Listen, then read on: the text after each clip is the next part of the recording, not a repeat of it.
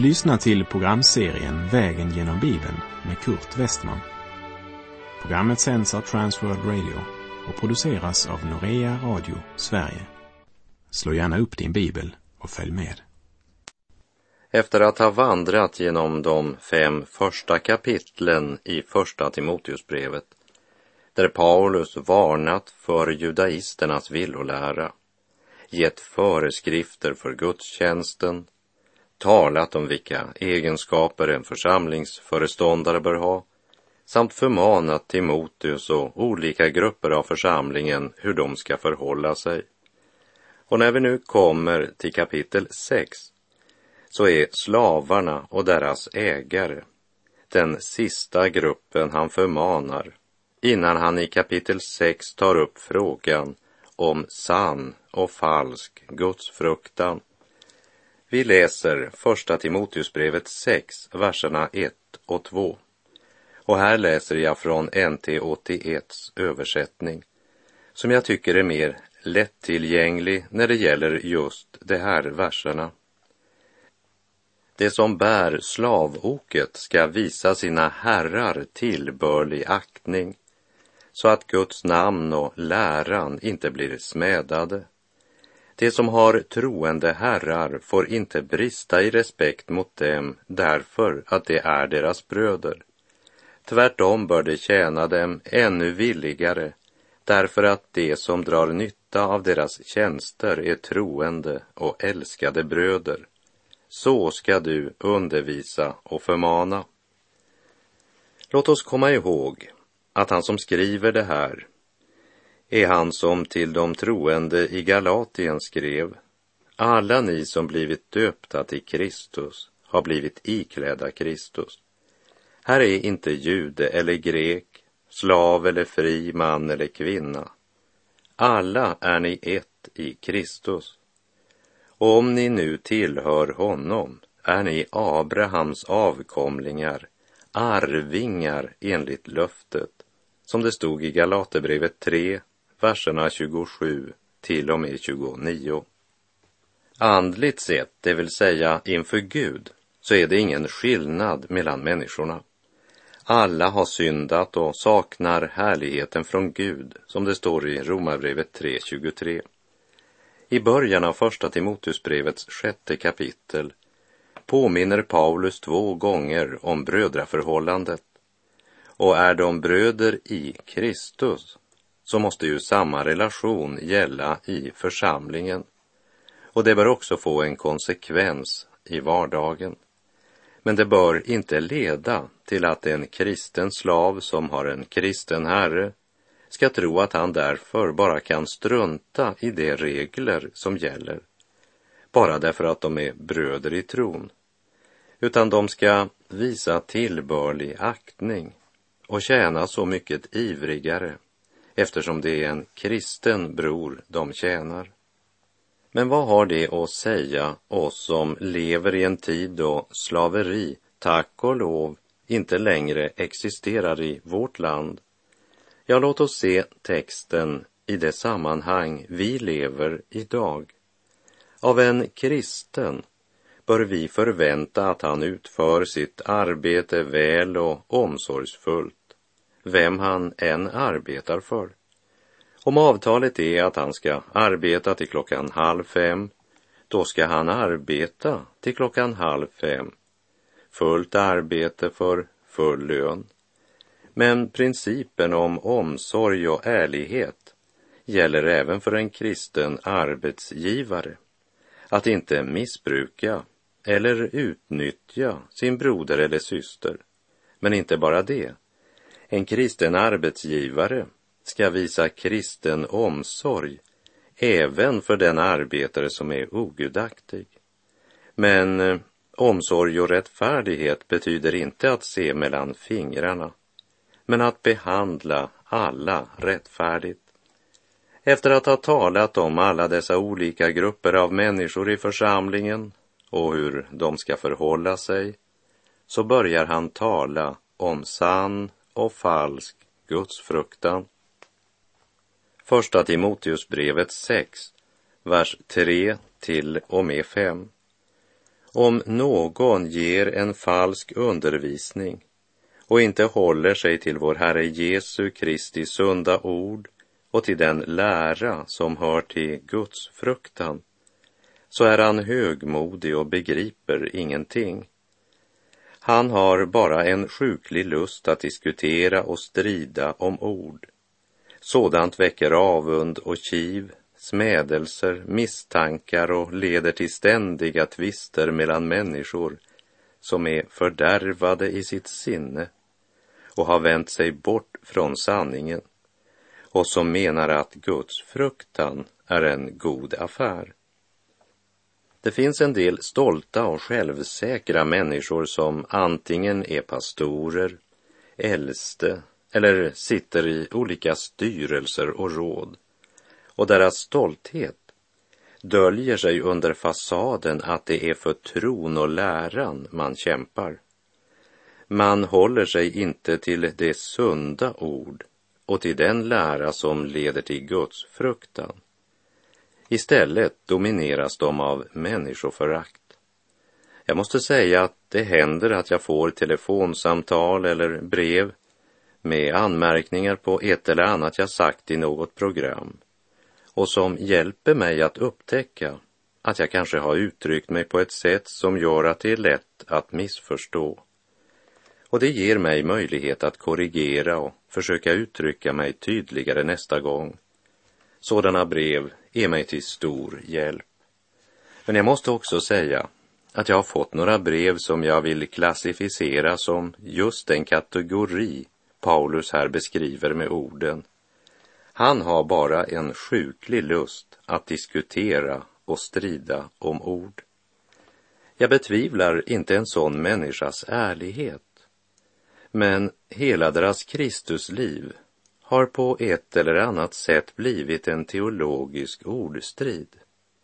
Det har blivit en bok under armen istället för en ström i deras inre.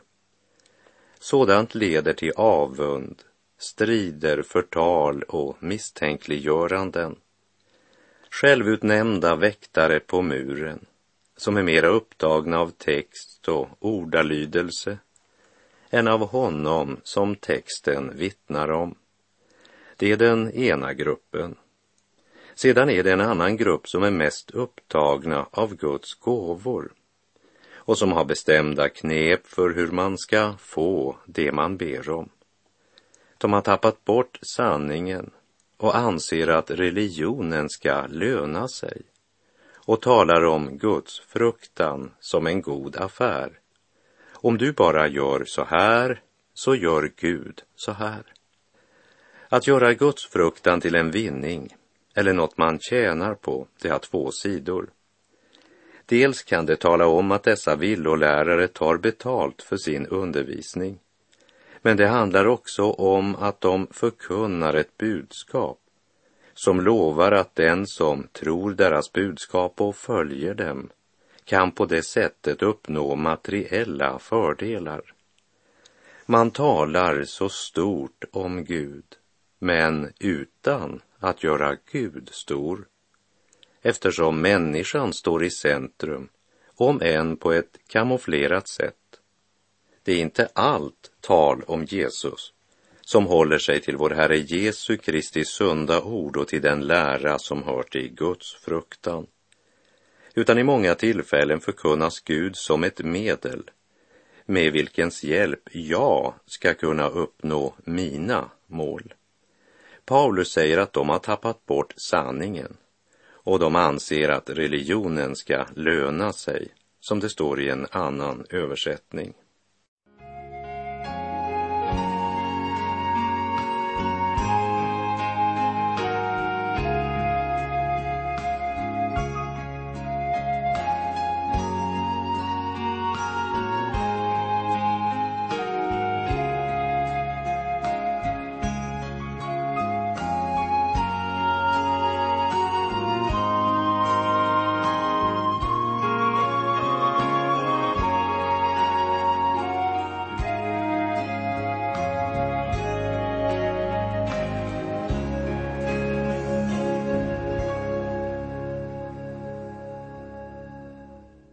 Om det fanns några som hade tappat bort sanningen och börjat betrakta tron på Gud som något man kunde ha personlig vinning av, så för en sådan förkunnelse vilse.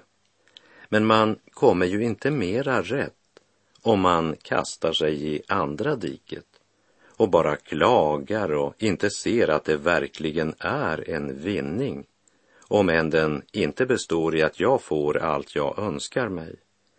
Men en vinning är det, att leva i tron på Herren Jesus. Därför säger Paulus i vers 6.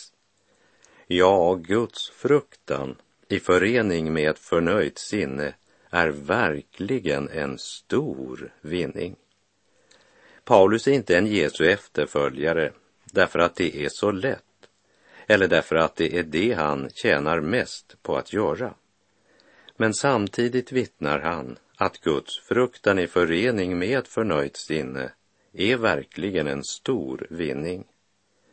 I kapitel 4, vers 8 sa Paulus att Guds fruktan är på allt sätt nyttigt eftersom den har löfte om liv, både för den här tiden och den kommande. Ett förnöjt sinne, det står som en kontrast till själviskt habegär. Jag har lärt mig att vara nöjd med det jag har, säger han i Filipperbrevet 4.11. Att vara gudfruktig, det är av allra största värde om den är förenat med ett förnöjt sinne. Helgelse och tacksamhet, det är två parhästar som kan uträtta underbara ting i en människas liv. För det får oss att söka det som är där ovan, där Kristus sitter på Guds högra sida. Det bevarar oss från egoistiskt habegär och det hjälper oss att vila i Guds löften och inte bekymra oss för morgondagen.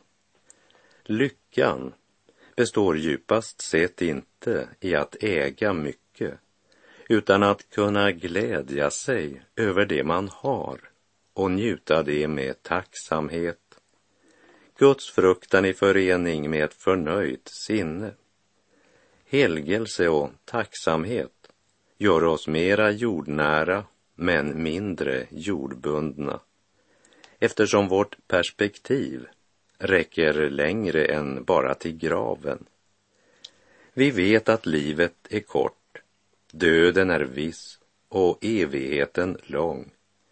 Och det enda vi tar med oss när vi reser härifrån är de människor vi vunnit för Gud.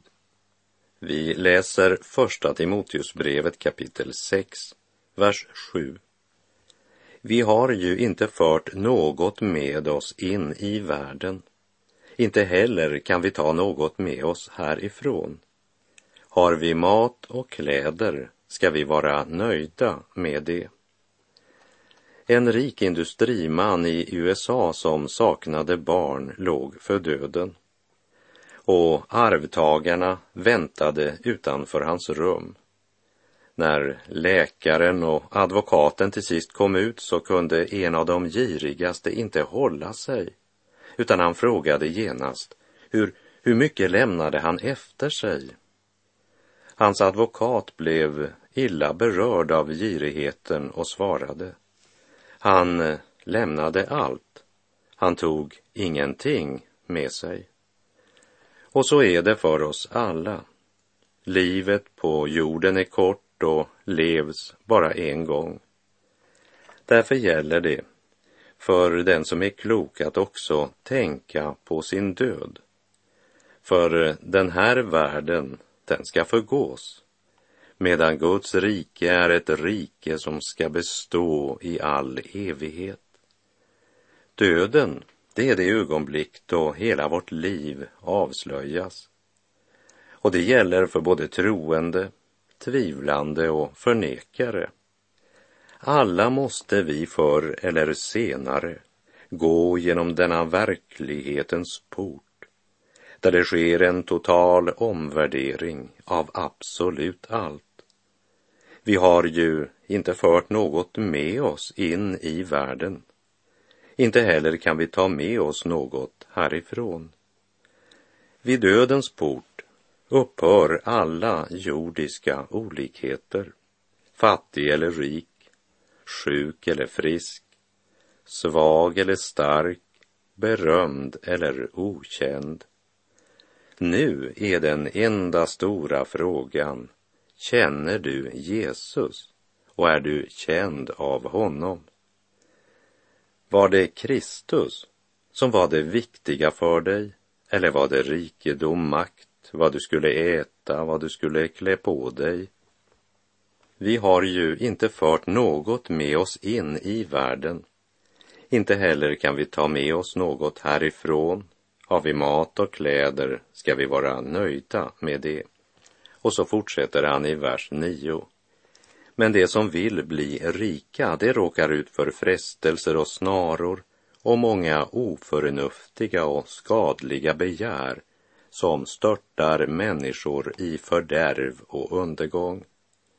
Här ska vi lägga märke till att det inte bara är för de rika det är farligt. Många fattiga kan vara lika upptagna av pengar och allt man önskar sig och gärna vill ha. Det är inte bara de rika som råkar ut för frestelser, men det som vill bli rika. Och det är många det. Begäret att få mer döljer sig i många, många hjärtan. Men Gud ser och vet allt. För pengar, makt och berömmelse kan aldrig tillfredsställa människans djupaste behov, utan leder henne bara in i snaror, frestelser och skadliga begär och leder människan till fördärv och undergång. Vi läser vers 10. Ty kärlek till pengar är en rot till allt ont. I sitt begär efter pengar har somliga kommit bort från tron och vållat sig själva mycket mycket eh, lidande. Av apostelns varning förstår vi att begäret efter jordisk rikdom är speciellt frestande och farligt. Och vi minns från vår vandring genom Matteusevangeliet hur Jesus i sin bergspredikan bland annat sa Ingen kan tjäna två herrar. Antingen kommer han då att hata den ene och älska den andre eller kommer han att hålla sig till den ene och se ner på den andre. Ni kan inte tjäna både Gud och mammon. Paulus visste alltså om människor som på grund av begäret efter jordisk rikedom hade kommit bort från tron och vållat sig själva mycket lidande. Och nu uppmanar han sin unge medarbetare att vara nöjd med om han har mat och kläder, det vill säga det han för var dag behöver för sitt uppehälle. Ibland kan det vara en stor differens mellan det vi tror att vi måste ha och det vi verkligen behöver. Det är som om Paulus säger, håll dig till Gud i allt. Han uppfyller inte alla dina önskningar, men han håller alla sina löften.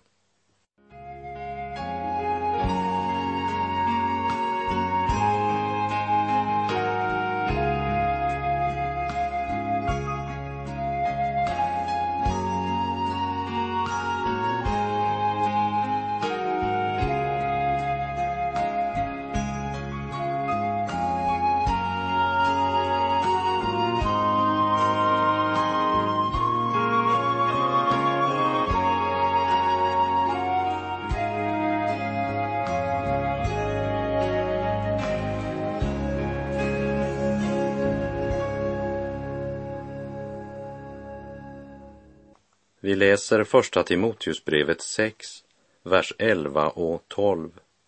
Men du, Guds man, håll dig borta från sådant. Sträva efter rättfärdighet, Guds fruktan, tro, kärlek, uthållighet och ödmjukhet. Kämpa trons goda kamp. Sök att vinna det eviga livet som du blev kallad till och som du bekände dig till genom att inför många vittnen avlägga den goda bekännelsen. Paulus uppmanar sin unge medarbetare till att leva ett liv i försakelse. Och när han talar om att sträva efter rättfärdighet så talar han inte om hans ställning inför Gud, men hur han själv lever och uppträder i förhållande till andra människor. Om andra är upptagna av pengar, njutning, sista mode, makt, berömmelse och jordisk rikedom, så ska du vara upptagen av rättfärdighet, Guds fruktan, tro, kärlek, uthållighet och ödmjukhet och kämpa trons goda kamp. Det är en kamp, säger aposteln. Han lovar inte sin unge medarbetare guld och gröna skogar, men påminner honom om att det är en god strid som han strider. Och vad är det han är kallad till? Jo, inte något mindre än det eviga livet. Och det har han ju själv bekänt sig till. Och du avlade din bekännelse inför många vittnen. Därför är det många som ser på dig och har dig som förebild. Glöm inte att det är något du ska hålla dig ifrån och det är något du ska hålla dig till. Du måste om och om igen göra dina val. Du måste välja. Man kan inte tjäna både Gud och mammon. Eller som Jakob säger i Jakobs brev 4.4. Ni trolösa, vet ni inte att vänskap med världen är fiendskap mot Gud? Den som vill vara världens vän blir Guds fiende. Du, Timoteus, som i motsats till de penningkära är driven av Guds helige ande och som har avlagt den goda bekännelsen, fortsätt nu att leva det liv som du bekände dig till. Sök i allt att vinna det eviga livet som du är kallad till. Och ska du göra det måste du kämpa. Eller som en trosbroder i vår tid uttryckte det. Kristuslivets symbol är fortfarande ett kors och inte en hängmatta. Paulus uppmanar Timoteus, lev hela ditt liv inför Gud. Kämpa trons goda kamp. Och vidare i vers 13 till och med 19. Inför Gud som ger liv åt allt och inför Kristus Jesus som inför Pontius Pilatus avlade den goda bekännelsen uppmanar jag dig. Bevara det som han har befallt, rent och oförfalskat, till vår Herre Jesu Kristi ankomst, som han ska låta oss få se när tiden är inne, han, den salige, ende härskaren, konungarnas konung och herrarnas herre, som ensam är odödlig och bor i ett ljus dit ingen kan komma och som ingen människa har sett eller kan se. Honom tillhör ära och evig makt. Amen. Uppmana dem som är rika i den här världen att inte vara högmodiga eller sätta sitt hopp till något så osäkert som rikedom, utan till Gud, som rikligt ger oss allt att njuta av. Uppmana dem att göra gott, att vara rika på goda gärningar, att vara generösa och dela med sig och samla åt sig en skatt som är en god grund för den kommande tidsåldern, så att de vinner det verkliga livet.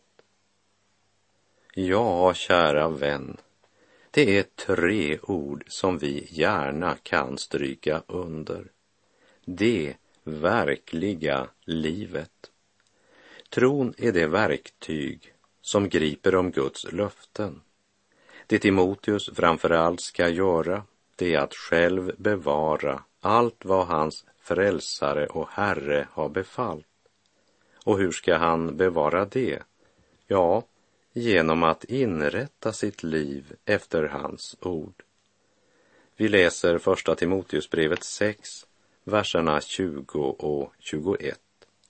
Käre Timoteus, bevara det som har överlämnats åt dig och vänd dig bort från det oandliga, tomma pratet och invändningarna som kommer från det som kallas kunskap utan att vara det. Somliga har kommit bort från tron genom att bekänna sig till den kunskapen. Nåd vare med er. Med andra ord, bli inte en intellektuell predikant eller pastor eller kristen. Låt inte livet i Kristus bli en bok under armen istället för en ström i ditt inre. Eller som Jesus själv uttryckte det i Johannes 7.38. Den som tror på mig, ur hans innersta ska strömmar av levande vatten flyta fram, som skriften säger. Detta sade han om anden som det skulle få som trodde på honom. Och med det så är vår tid ute för den här gången. Jag uppmanar dig, bevara det som Gud har befallt, rent och oförfalskat, till vår Herre Jesu Kristi ankomst. Honom tillhör ära och evig makt. Amen. Herren vare med dig. Må hans välsignelse vila över dig. Gud är god. Jag har en sång inom mig I hjärtat en melodi Kärlek från Jesus strömmar nu in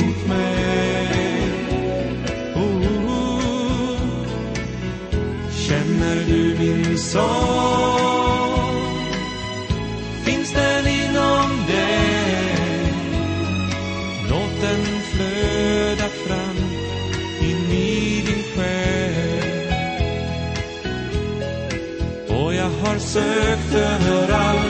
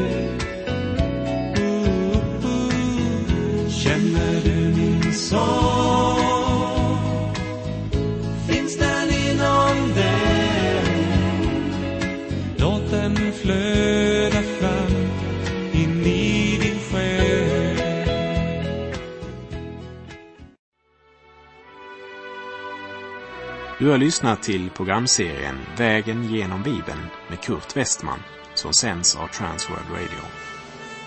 Programserien är producerad av Norea Radio Sverige.